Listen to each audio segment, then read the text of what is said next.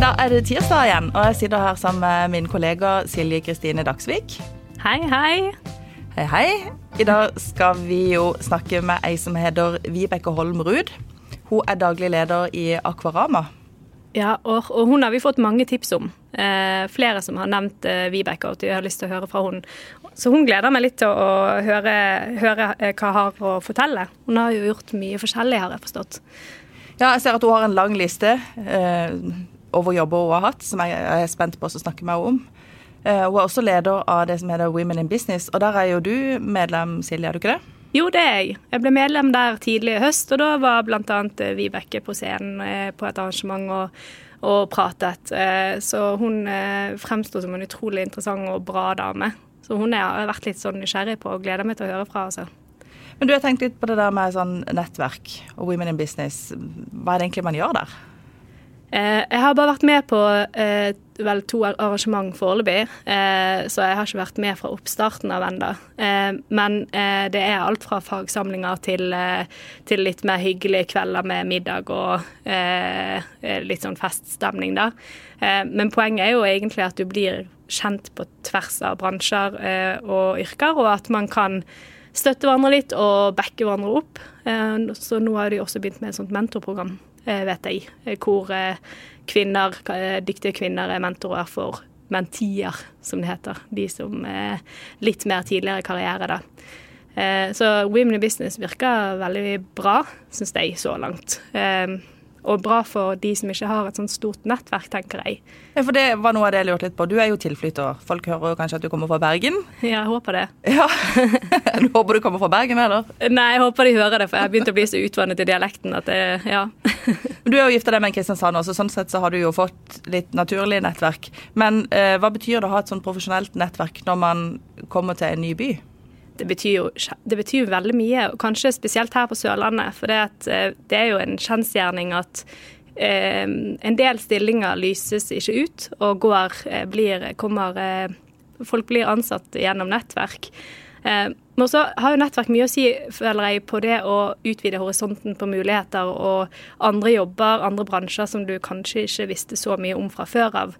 Eh, så jeg, jeg, tenker at nettverk er viktig, men det jeg er nysgjerrig på i dag, da, å få lov å kanskje høre litt fra Vibeke om, er jo eh, litt hva skal til for å få et sånt nettverk. For det, det, er jo ikke bare til å stille opp på et arrangement og så gå bort til folk og si hei, jeg er, hei, jeg er Silje, liksom, jeg er fra Bergen, Hvor, hva, hvem er du? Jeg er i hvert fall ikke den personen som er superglad i sånn tvangsmingling, da. Um, jeg tenker at Du er kanskje en av de som faktisk kunne gjort det. ja. som faktisk kunne gjort det sånn. Ja. Men det ligger nok ikke for, nok ikke for alle. Men uh, det er jo bare en av temaene som jeg har lyst til å snakke med Vibeke Holm Ruud om når hun kommer. Det gleder jeg meg til å høre. Vibeke Holm Ruud, velkommen til det hun sa. Tusen hjertelig takk. Du, Da jeg skulle tenke gjennom introen, mm så måtte jeg rett og slett lage et sånn lite notat til meg sjøl om at jeg måtte legge inn en pustepause. At, uh, du har gjort så mye forskjellig, og, og, først og fremst har du gjort så mye. Du har så mange jobber å vise til. Mm. Så nå skal jeg ta en sånn kjapp, uh, kjapp gjennomgang. Akkurat nå så er du daglig leder på Akvarama. Uh, jeg må jo nevne at du er mamma til to gutter på fem og åtte år også, og så er du gift, og så er du tilflytter. Mm. men du er utdanna lærer. Du har vært daglig leder på østsida. Du har hatt en lederjobb på Tusenfryd. Du har vært servicesjef på Flytoget. Du har vært prosjektleder hos Aptum. Du har jobba med HR hos, i, Dyreparken. Du har jobba med HR hos Stray kjøkken. Og du er leder av styring, styringsgruppa for Women in Business. Mm. Det er ikke småtteri? Nei, det, tenker kanskje ikke så ofte sånn på det, men eh, jeg kjenner jo at jeg har vært utrolig heldig som har fått jobbe med veldig mange fantastiske bedrifter. Og veldig mye mm, sterke merkevarer som også har en sterk bedriftskultur. Og det er jo noe jeg brenner veldig for. Så jeg kjenner at jeg har mm, ja, lært utrolig mye og truffet veldig mye bra folk og fått lov til å mm, ja, jobbe for veldig mange spennende plasser. Men du må jo være en person som ikke er redd for å hive seg ut i nye ting? Nei, det kan, vel, kan man vel trygt si. Um, jeg er nok ikke så Hva skal jeg si, jeg er ikke nødvendigvis så trygghetssøkende eller bekymra for at uh, ting ikke skal gå greit, på en måte. Jeg har jo litt sånn leveregel at ja, hva er det verste som kan skje?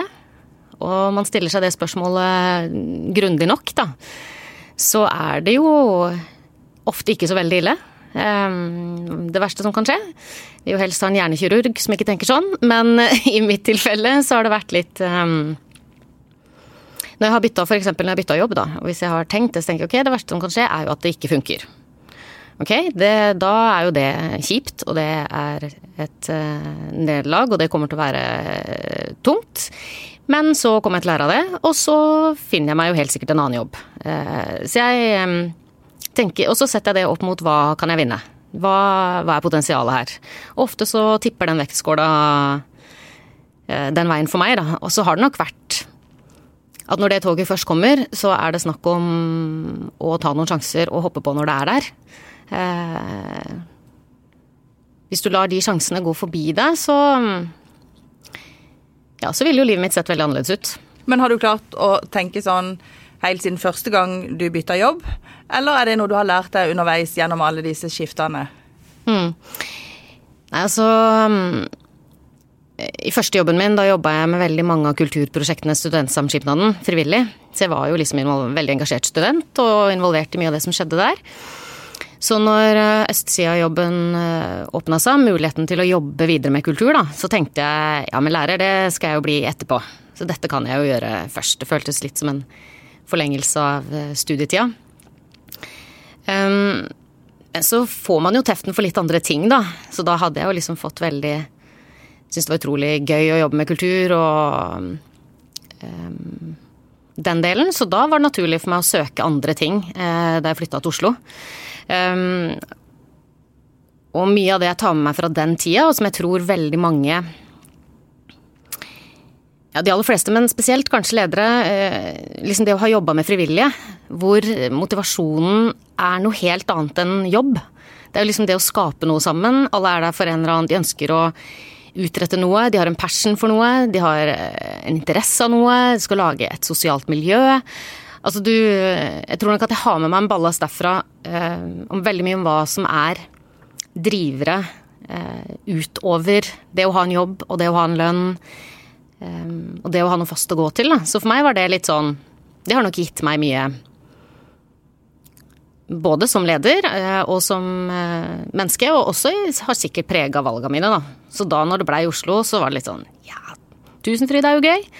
Eh, søkte jeg egentlig på en event jobb der, og endte opp med å få lederansvaret for all matserveringa.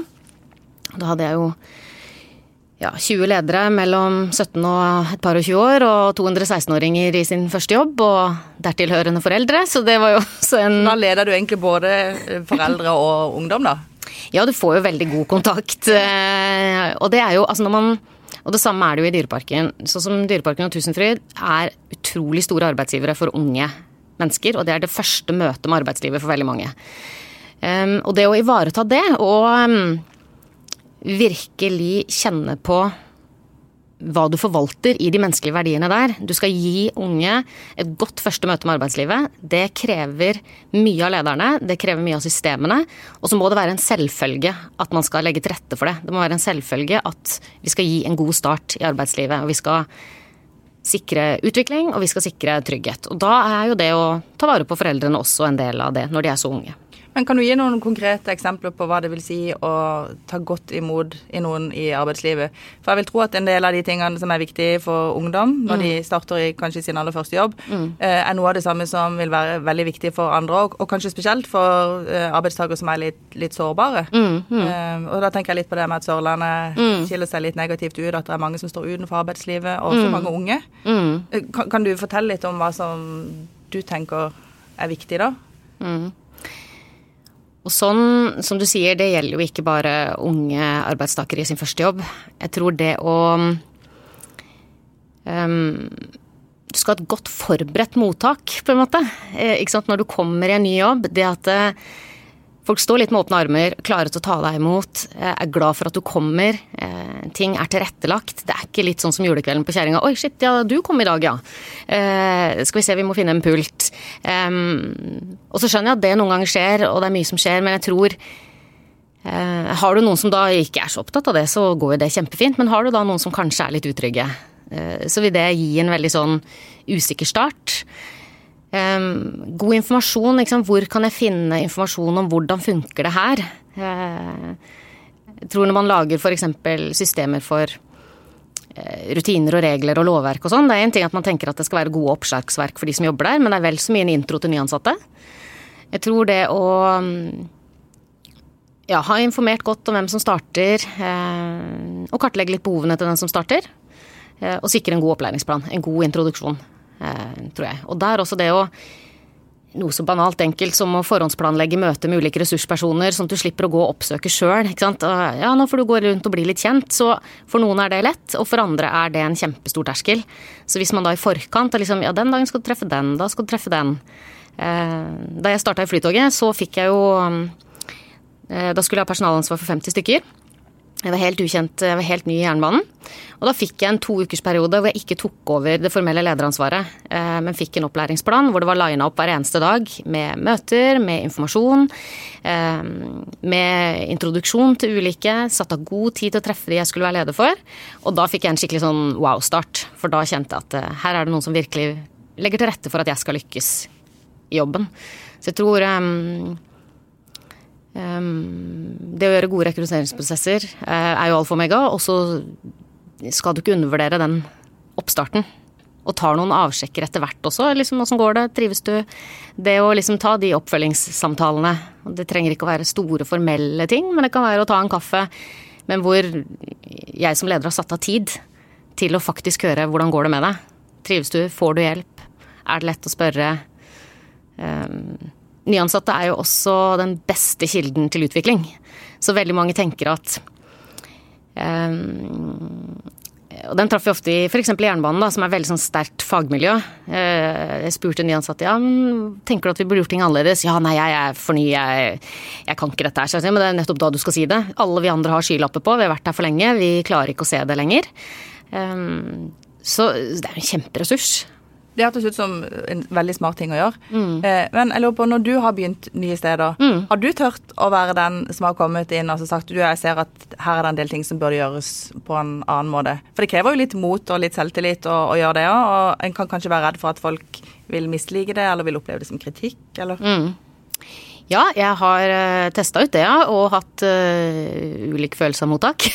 Men hvor, hvor, lenge bør man være der før man kan komme med forslag til forbedringer? Uh, nei, uh, det kommer litt an på bedriften du går inn i. Noen er jo utrolig opptatt av det og har system nesten for det. ikke sant? Og du blir spurt og utfordra på det. Og jeg har jo også vært i jobber hvor jeg har skullet gå inn og kanskje utvikle et fagområde, f.eks. Um, jeg tror du merker det litt fort. Altså, du kan teste deg ut litt. Eh, så merker du jo litt kjapt på responsen, men det er noe med hvordan man går fram òg. Eh, sjekk litt Altså, ofte ligger det en god vurdering bak, eh, bak hvorfor ting er som det er. Eh, og mange ting kan ha vært eh, snakka om før. Og selv om ting har vært prøvd før, det er jo alltid litt sånn ja, men det har vi prøvd, og det funka ikke. Men det var kanskje en annen kontekst, en annen tid. Men tror jo det at du føler deg litt fram, ikke nødvendigvis er så bombastisk, men har liksom Ikke skyt rett fra hofta. Prøv å se liksom Spør litt åpne spørsmål. Hva, hvordan er dette vurdert? Hva har dere tenkt her? Eh, kunne vi kanskje, eller Altså, det er litt med man føler seg litt fram på hvordan man eh, går fram, da. Sånn som med de aller fleste menneskelige relasjoner. Og jeg kjenner jo sjøl, jeg, noen ganger, hvis man har et hjertebarn, og så kommer det noen utenifra og begynner å pirke i det, så må man jo jobbe med seg sjøl der òg. Det er noe med at de som vil du ha tilbakemeldinger, så må du evne å ta den imot. Også de tingene som du kanskje ikke er helt enig i? Ikke helt enig, og kjenner at det rører ved et eller annet. Og jeg kan kjenne at når jeg har blitt Hvis man trigges på det, så, men ofte hvis du får tenkt deg om litt, ja, søren, de har jo egentlig rett, og dette blir mye bedre. Så jeg er jo storfan av å få utfordra mine egne perspektiver. Um, det å liksom tro at man skal lede på egen hånd eller klare noe på egen hånd, eller Det er jo sammen man skaper ting. Og da trenger du perspektiver, og du trenger å utfordres på også dine egne etablerte sannheter, da. Du tenkte på en ting når du snakker om det der med å komme um, inn som ny, og at det på en måte er lagt til rette for at du skal føle deg velkommen. At det gir mm. oppstarten lettere. Um, mange kvinner som er ute i, permisjon når de får barn, mm. opplever det jo òg litt tøft. Og det kan jo noen ganger føles nesten som å begynne litt på ny når du kommer tilbake igjen. Mm. Uh, og det er ikke alle steder vil jeg tro, at eh, bedriften nesten er forberedt på at du kommer tilbake. At, mm. står, eh, at pulten din er rydda, og det er blomster på bordet. og sånn. Eh, har du gjort deg noen erfaringer om det sjøl? Um, må jeg tenkt tilbake igjen, holdt jeg på å si. Nei, det har vært veldig Når jeg har kommet tilbake fra permisjon, så har det egentlig gått uh, veldig fint. Og det er nok også fordi jeg har hatt dialog med kollegaer og ledere gjennom hele permisjonen. Um, jeg tror det å oppdatere også de som er hjemme, og det gjelder ikke bare når man er i permisjon, det gjelder om man er langtidssyk f.eks. Det at man inkluderes i For man går glipp av mye informasjon når man ikke er fysisk til stede på arbeidsplassen. Og da må du også ha noen sjekklister eller systemer for at ok, har vi informert alle nå, dette er store endringer, har vi noen som ikke skal hit på en stund, men som trenger å vite det? Sånn at når du kommer tilbake igjen, så er du ikke helt blank. Um, vært steder hvor vi har arrangert nesten barseltreff for alle som er ute i permisjon. Eh, invitere de inn. Sikre at alle inviteres på sosiale arrangementer. Oppfordre til at folk kommer på julebord og eh, andre sosiale ting tror jeg er kjempeviktig. At man som bedrift er god på det. For da føler du deg inkludert hele veien, egentlig. At det skal være lett å kunne komme på besøk og uh, av en kopp kaffe, og så er man jo i bobla, da, når man er i I hvert fall jeg var veldig i min egen boble i permisjon òg. Men um, det kan være litt opp til den enkelte. Noen ønsker kontakt med arbeidsplassen, noen er ikke så veldig interessert i det. Og det er jo helt greit at man tenker forskjellig om det, og da må man som leder tenke forskjellig oppfølging. Så det er jo litt som individuell oppfølging hele veien. Mm. På det som med alt annet, egentlig. Du, de yrkene du har hatt, eller de jobbene du har vært i, de er jo ganske forskjellige. Men, men det, er en, det, er en, form for rød tråd mm. også her, og det er det å jobbe med mennesker. Mm. Eh, hva er det som gjør at det er så viktig for deg? Det er også et veldig godt spørsmål. Det er litt vanskelig for meg å forklare, for jeg tror det bare Det ligger litt sånn i meg, egentlig. Altså eh, jeg er, jo, jeg er jo veldig glad i å legge til rette for at vi skal lykkes, legge til rette for at andre skal lykkes. Um, og min jobb er jo mye å sikre at ja, at alt legger til rette for at uh, alle hos meg kan gjøre den beste jobben eh, som er mulig å gjøre. Og uh, det går jo igjen også. Det å jobbe med mennesker, det å jobbe med HR, det å jobbe som personalleder handler jo mye om å følge opp, sikre utvikling, gi opplæring. eh, følge opp når ting er vanskelig. Og alt dreier seg jo om at folk skal være fornøyd på jobb. Man bruker så sykt mye tid på jobb. Eh, og da er det viktig at man trives, at man har det bra, at man opplever mestring. Um, så det er nok um, Jeg tror Misforstå meg rett. Altså det, det, er liksom ikke så hokus pokus å være leder hvis du har liksom de basic tankene der, da, tror jeg. Eh, og så så klart eh, Du er opptatt av at folk skal ha det bra? Ja. Mm. Jeg er veldig opptatt av at folk skal ha det bra, og at man skal utfordres. At man skal ha eh, god informasjon, man skal ha klare, tydelige rammer. Man skal få lov til å bidra. Eh, og ja, alle de tingene som jeg tenker at gjør at man trives i den jobben man er i. Altså For meg går jo jobb og hobby litt sånn i ett. Jeg er jo veldig glad i å jobbe. men, men, du rakk ikke å være så veldig lenge i den nye jobben din før eh, pandemien ramma Norge, si. ikke sant? Mm. Eh, så det har vært en spesiell, eh, en spesiell mm. oppstart for deg. Men hvordan klarer du å skape et godt miljø på en arbeidsplass under en så spesiell situasjon som det har vært nå med korona? Kan du si noe om det? Mm. Jeg tror nok min fordel um jeg hadde jo vært Ja, jeg starta jo 1. januar. Ehm, jeg brukte mye tid på å være ute i organisasjonen i starten. Og det er veldig viktig for meg. Jeg må vite hva vi driver med. Jeg må vite hvordan vi gjør det. Jeg må vite ehm, hvordan folk har det. Det å gå rundt og prate med folk og høre liksom Ja, hva tenker du? Det, hva burde vi ha fokus på framover? Hva har vi som er utfordringer? Hva har vi som er bra? Så jeg har jo ganske mange deltidsansatte hos oss også, i og med at vi har litt sånn Ja, noen som kommer og jobber bare helg, noen ferier. Um, så det er jo utfordrende å få truffet alle sammen uh, på så kort tid. Men um, jeg er veldig glad for at jeg hadde gjort det. Uh, og som sagt, det er sånn som er veldig naturlig for meg. Jeg må snakke med alle interessentene. Jeg må snakke med alle for å klare å lede bedriften bra. Um, og igjen, jeg hadde jo noen tanker også om hvor vi skulle, og burde, hvilken vei vi burde, men det må jeg også sikre at eh, stemmer overens med virkeligheten. Så, så, da alt skjedde, så tror jeg nok de hadde blitt litt kjent med meg allerede. Eh, at de jeg anser, men Det er jo lett å undervurdere, og da, jeg anser jo ikke meg sjøl som så voldsomt farlig. Eh, men jeg er veldig opptatt av at folk skal kunne komme til meg, hooke tak i meg. Eh, jeg svinger alltid en tur innom. Altså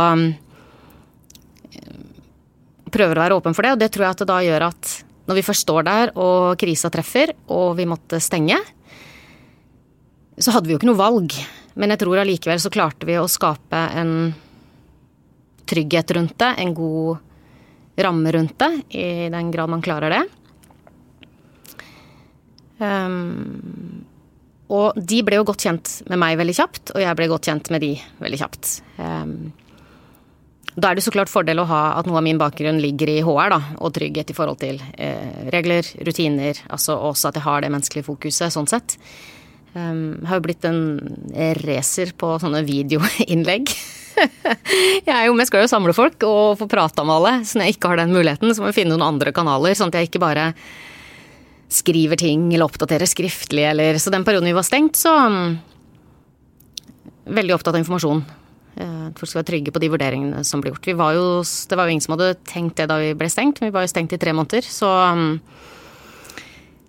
så klart utrolig krevende. Og utrolig vanskelig for alle permitterte. Eh, og det å ha respekt for det, at man også der er forskjellig. Man har usik, altså ulik um, Ulikt stressnivå i forhold til det, da. U ulik grad av uh, bekymring. Uh, og da Det å ta det ordentlig innover seg og faktisk følge opp på en god måte. Men nå er dere i gang igjen, mm. og det er sikkert både de ansatte og brukerne veldig glade for. Mm. Um, Akvarama er jo et såkalt offentlig-privat samarbeid. Mm. Og det har jo vært litt omdiskutert, og det er det med jevne mellomrom. Mm. Og så sa du til meg før vi begynte intervjuet her, at du hadde lært deg liksom å vokte dine ord litt. ja. Fordi at noe av dette har vært litt kontroversielt. Mm. Eh, vil du si noe om det? Eller vil du ikke si noe om det? Ja, ja, nei, jeg kan godt si noe om det. nei, altså, øh, altså hvor, er, Hvorfor må du vokte dine ord? Det er egentlig det jeg lurer på. Ja, jeg tror ikke um, nødvendigvis jeg må nødvendigvis vokte mine ord, men jeg vet jo at det er um, Vi er jo så heldige at veldig mange er opptatt av hvordan vi drifter, og hvordan vi gjør det. Og, og i denne perioden her eh, spesielt også. Det er um, mange interessenter hos oss eh, som skal ivaretas, og som skal lyttes til. Og jeg er jo også veldig opptatt av at jeg lytter til gjestene våre. Eh, de tilbakemeldingene de kommer med er kjempeviktige og verdifulle for oss, sånn at vi hele tiden har noe å styre etter, som ikke bare er det vi internt tror. Men, hvem, hvem, er disse interessentene som du snakker om? Eh, nei, altså du har jo altså alle som bruker oss, og der har du jo alle klubbene, du har skolesvømming, du har barnehagesvømming, du har Eh, alle de fantastiske morgenbaderne, pensjonistene, familiene. Altså, det er liksom hos oss kan du jo Ja, det er det. Ikke sant? Hos oss kan du jo starte på babysvømming og avslutte som pensjonist, på en måte. Så du har hele spekteret. Eh, og det er jo det som er supergøy. Um, også i dette offentlig-private samarbeidet, som så klart er litt vanskelig å forstå hvordan vi er rigga, kanskje. Og det skjønner jeg veldig godt.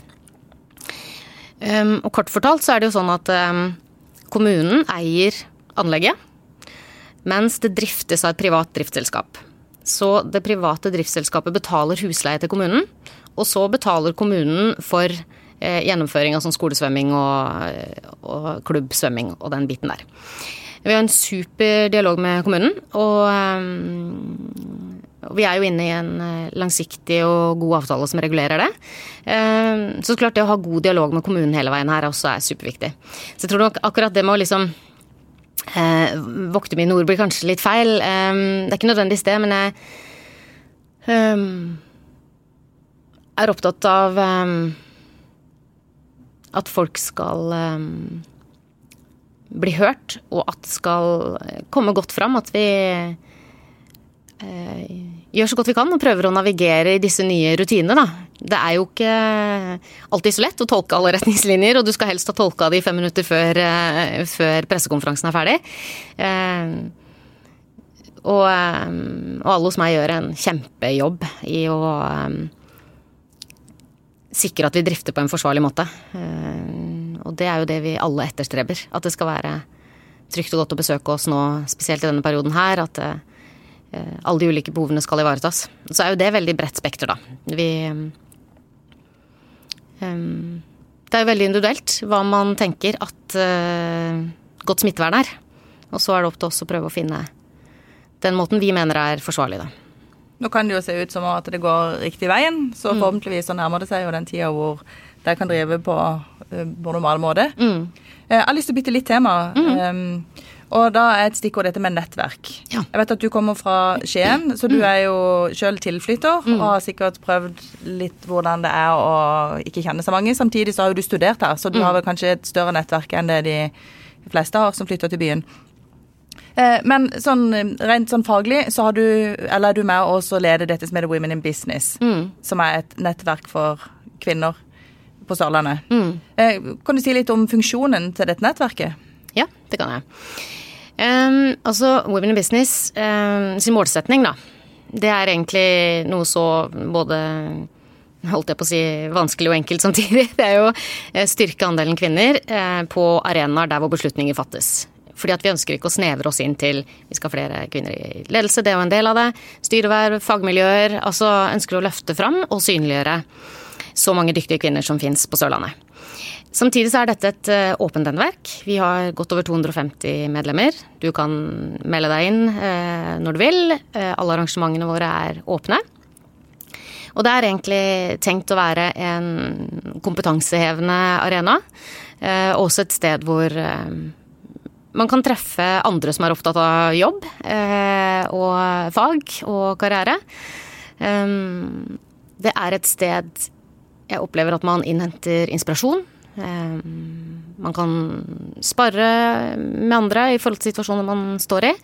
Um, og som sagt, dette med å få kanskje litt kompetanseheving på ting som skal gjøre folk tryggere da, til å tørre å ta leder, den lederjobben, eller tørre å ta det styrevervet, eller tørre å si ja når media ringer, eller uh, Og for meg så er det Som tilflytter, da, så studerte jo jeg her, som sagt, og så flytta jeg, var jeg åtte år cirka i Oslo. Um, og da var jeg jo veldig i studiebobla når jeg var her før jeg flytta. Så når jeg kom tilbake igjen, så har jeg nok fått et litt sånn bredere perspektiv på hvordan det er å møte Sørlandet som eh, tilflytter. Um, så selv om jeg hadde studert her, så åtte år er lang tid, og um, mye skjer. Så jeg måtte jo på en måte bygge nettverket mitt på nytt.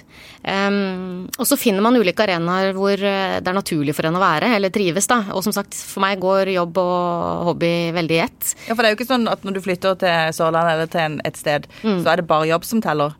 Mm. Det er jo veldig viktig å få seg, å få seg venner Absolutt. også. Mm. Så eh, dette nettverket der, Women in Business, mm. har det også en funksjon i forhold til å få folk til å, å trives og føle seg hjemme, eller er det mm. rent faglig, tenker du? Jeg tenker begge deler, ja. Jeg tror um, Som du sier, når man flytter ned, så Og det er litt sånn eh, spøkete sagt, men det er veldig mange som kommer ned med en bedre halvdel, da, som er oppvokst på Sørlandet. Nå vil jo min mann være veldig tydelig på at det var jeg som var størst pådriver til å flytte ned. men, men eh, man ønsker et nettverk også for seg selv, holdt jeg på å si. Eller, eh, og jeg tror mange har funnet eh, også nye venner, som du sier. Og så er det en arena å finne de. Og så kan du finne venner Jeg, jeg synger jo masse sjøl, så jeg er jo i en vokalgruppe hvor jeg har fått nye fantastiske venninner. Eh, så må man Man kan liksom ikke helt bare sitte og vente på at det skal skje heller.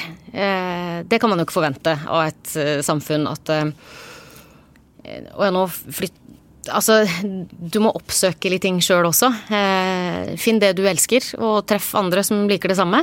Om det er eh, sang, eller om det er fotball, eller om det er eh, eh Ja, det er så mange ting, da. Og så tror jeg at Women in Business kan være et sted hvor man også kan treffe likesinna som eh, er veldig glad i å også diskutere jobb, få faglig påfyll. Så det blir liksom én tilleggsarena. Um, men Vibeke, du har sagt at det er viktig å fremsnakke Sørlandet hvis vi mm. skal, få, eh, hvis, vi skal, hvis, vi skal klare å tiltrekke oss de mm. gode hodene. Mm. Eh, hvordan gjør vi det? Hvordan fremsnakker vi Sørlandet? Mm.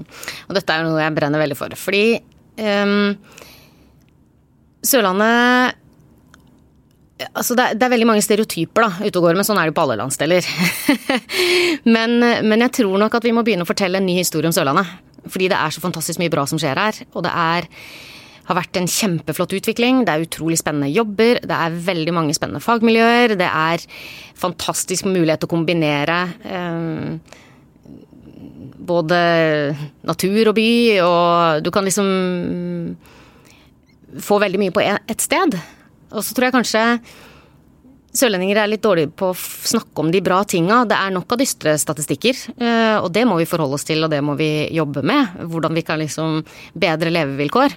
Eh, og så tror jeg vi må være litt stolt av det som skjer her òg, og så tror jeg vi skal snakke oftere om hva funker, og så skal vi lære av det. Ja, hva funka der? Kan vi gjøre mer av det? Kan vi gjøre det i andre settinger? Kan vi eh, sikre at vi sjøl er med på å snakke Sørlandet opp. Eh, sånn at vi også eh, Altså kampen om kloke hoder, utvikling. Vi har jo lyst til å være en by eh, med drive, og som man opplever at liksom vil noe. Eh, og at det er et eh, spennende sted å bo og leve.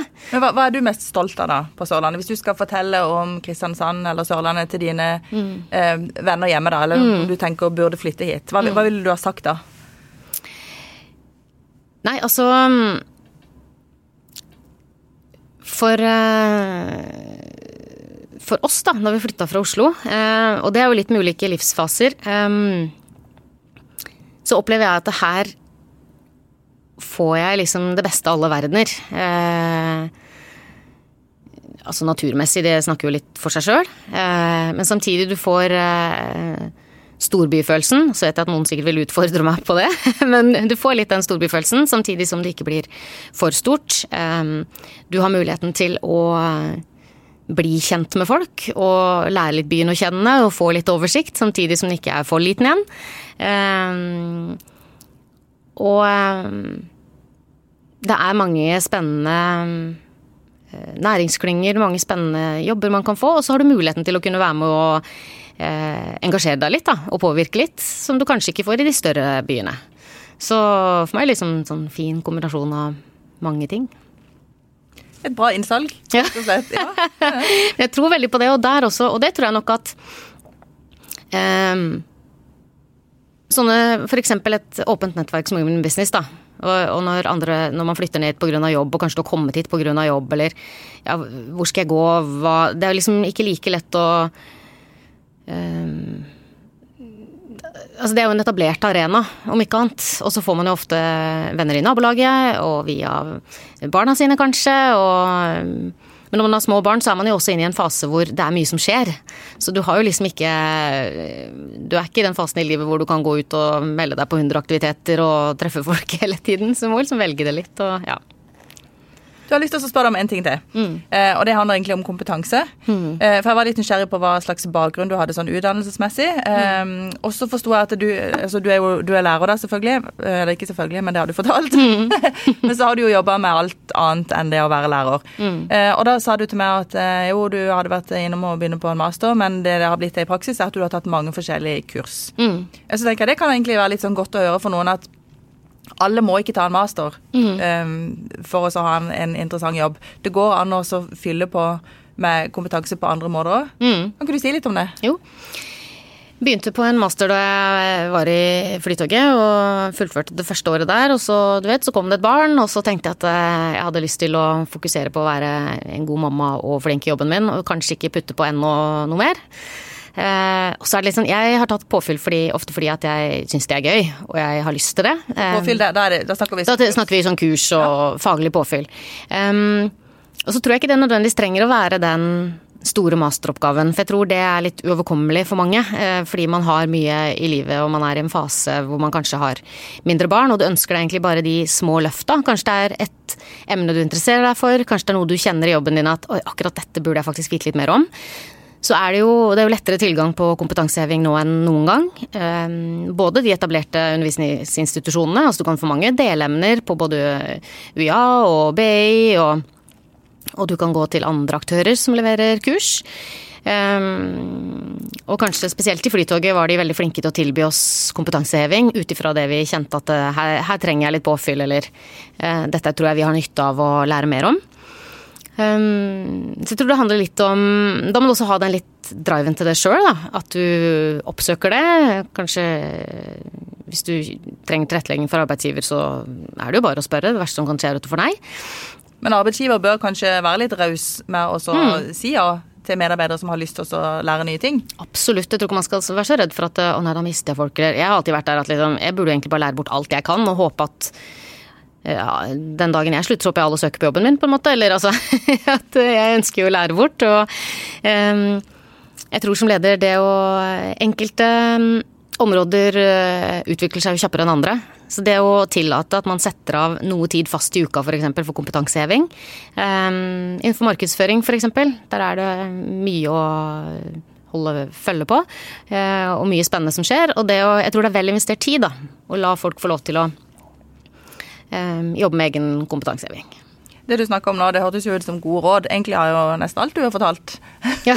altså en ja, nyttig tips. Men eh, jeg lovte deg at du skulle få lov til å, å dele noen råd. Mm. Jeg vet ikke om du kanskje har forberedt noe da, som du har lyst til å si som ikke du har sagt allerede? Ja. Um, igjen, og, og mitt mantra som sagt er litt Tenk litt oftere hva er det verste som kan skje.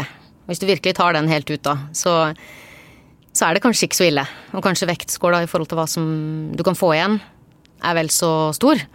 Så det å tørre å satse litt innimellom, så må du tørre å gå på trynet, da. Eh, og så tenker jeg ok, da får jeg lære av det, så får jeg gjøre det bedre neste gang. Eller så får jeg satse på at de erfaringene gjør meg til et mer helt menneske. Og det er jo ikke sånn at livet har vært en dans på røde roser. Det overhodet ikke. Um, men man får livserfaring. Og så Eh, går man videre. Eh, og jeg tenker det skal tørre å ta litt sjanser. Eh, og så er det det å lytte til de rundt deg, og virkelig lytte. Og det, det kan du jo tenke i alle settinger. Så klart er du leder. Det å virkelig lytte og la deg utfordre er kjempeviktig. Lytt til råd. Test ut tankene dine hvis du går med et ønske om enten bytte jobb eller gjøre noen ting. Test ut på noen folk. Be de liksom utfordre deg litt. Ha noen støttespillere som ikke er helt ukritiske. Det er jeg opptatt av. Jeg må ha folk rundt meg som også tør å være kritiske til meg. Eh, og tør å utfordre de tingene jeg eh, tenker sjøl. Ehm, det tror jeg man er helt avhengig av. Så må du være mottagelig for det, da. Hvis ikke så slutter jo folk å si fra. um, så jeg tror nok det, og så må du, du må liksom ha hjerte for det du driver med. Spesielt hvis du skal lede, så må du trives med det. Du må trives med lederjobben, du må like folk, du må Eh, ja, jeg er jo veldig glad i jobben og glad i folka jeg leder, og det håper jeg jo de merker. Men du, nå skal jeg bare utfordre deg litt. For det, mm. du har sagt det der med at man må ikke være redd for å gå på, på en smell, og hva er det verste som kan skje. Mm. Uh, og så ser jeg av CV-en din og hører deg fortelle, så tenker jeg ja, men her er det jo ei som det har gått skikkelig bra for. Mm. Uh, men, men, har du opplevd det noen ganger at ting har gått skikkelig skeis, og at du har gått på en smell? For det er kanskje ikke like lett da å kjøre på videre um, i praksis, hvis du har gjort det. Mm. Jeg tror øh, de, liksom sånn, de smellene man er redd for, som er voldsomt store, de tror jeg sjelden kommer. Hvor det går skikkelig, skikkelig gærent. Så det er som regel unødvendige bekymringer? Ja, jeg tror jeg, Altså, jeg skal ikke være så for bombastisk på det, men, men jeg tror nok at de smellene som kommer, de er De kjenner man kanskje ofte mest på sjøl. Ikke sant? Og det, når det stormer som verst, så der er min mann flink til å gi meg perspektiv. Husk at det som er viktigst for deg akkurat nå, det er ikke viktigst for alle rundt deg. På en måte så høres det kanskje litt kynisk ut, men man må løfte blikket litt. Og jeg tror når man går på noen smeller, så vil det være veldig individuelt i forhold til hvordan man er skrudd sammen. Eh, og jeg kan ha gått på personlig altså smeller for meg som kanskje ikke ville vært så ille for andre. Eh, og motsatt. Um, så jeg vet ikke om det er litt sånn politikersvar, ja, men um... Men hvis du går på en sånn smell, da, eller mm. står i noe som du syns er skikkelig vanskelig, og kanskje mm. på om du har løst det riktig, eller mm. ikke vet hva du skal gjøre, mm. eh, er det sånn, da, som du sa, at da du, tar du det med deg hjem, og så snakker du kanskje med mm. mannen din eller med noen mm. andre som hjelper deg litt med å uh, få noen andre perspektiver? Jeg tror det er viktig å få litt hjelp til å sortere innimellom. Um, og jeg bruker jo liksom de rundt meg i organisasjonen mye. Altså vi er jo et team. Uh, vi gjør ting uh, vi gjør ting sammen. Eh, Men hvis du er leder, så har du ikke alltid lyst til å vise kanskje den sårbare sida overfor de du jobber sammen med, for da har du kanskje litt behov for å bevare mm. den tryggheten utad, iallfall.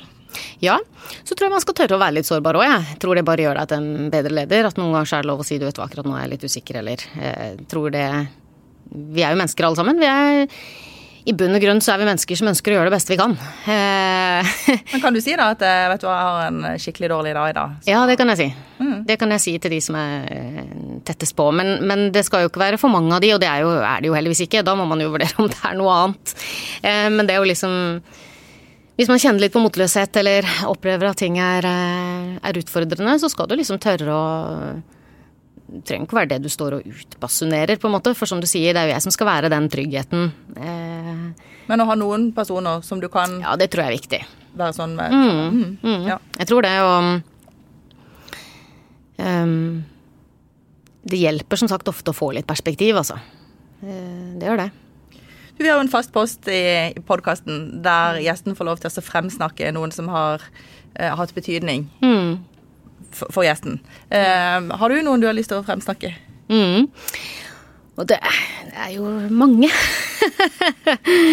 um, men når man tenker sånn um, faglig utvikling og det å ha noen som tror på en, da.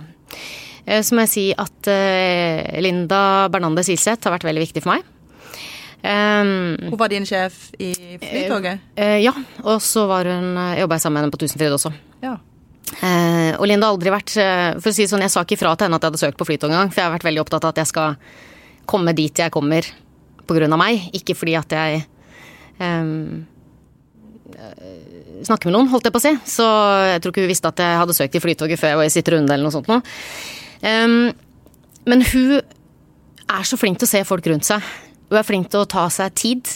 Um, hun er utrolig flink til å ta den uformelle praten med alle i organisasjonen. Hun også er veldig sånn god til å lytte på hva som beveger seg. Um, hun er uh, utrolig intelligent, men hun er veldig god på backup. Men også stille kritiske spørsmål. Det er jo det, da, å ikke ha en ukritisk heiagjeng, men en som tror på deg, og samtidig utfordrer deg, og gir deg troa på at ja, hvorfor skal ikke du klare det? Altså, hvorfor skal noen andre klare det bedre enn deg? um, så hun har jeg brukt um, som mentor og sparringspartner uh, flere ganger, og det, det, er noe med at en kvinne i hennes posisjon også tar seg tid til det. Og jeg vet at jeg ikke er den eneste hun snakker med, og det um, jeg elsker jo å snakke med andre også, som kanskje er litt i startgropa eller er usikre, eller å være en god sparringspartner, da. Så Linda har jeg veldig eh, stor respekt for, og hun har betydd eh, mye for meg i forhold til det. Um, så det er vel um, har jo også mine to bestemødre ble enke veldig tidlig, begge to. Uh, og i liksom etterkrigstida å være arbeidende alenemødre, det var litt annerledes på den tida enn det det, enn det, det er nå. Så jeg har hatt mange gode rollemodeller uh, rundt meg opp igjennom. Mm. Det hørtes ut som noen skikkelig bra damer, alle tre, mm. egentlig. Så tusen takk for at du ville fortelle og dele og inspirere, og takk for at du tok turen til Federlandsvennen. Ja, det var veldig, veldig hyggelig. Så får vi håpe, håpe at noe av det jeg kan si, kan være til inspirasjon for andre. Du har lytta til Federlandsvennens podkast 'Det hun sa' med Birgitte Klekken. Har du tips til andre bra damer vi vil snakke med, eller har du lyst til å dele inspirerende erfaringer fra ditt arbeidsliv? Ta kontakt på dethosa1fun.no.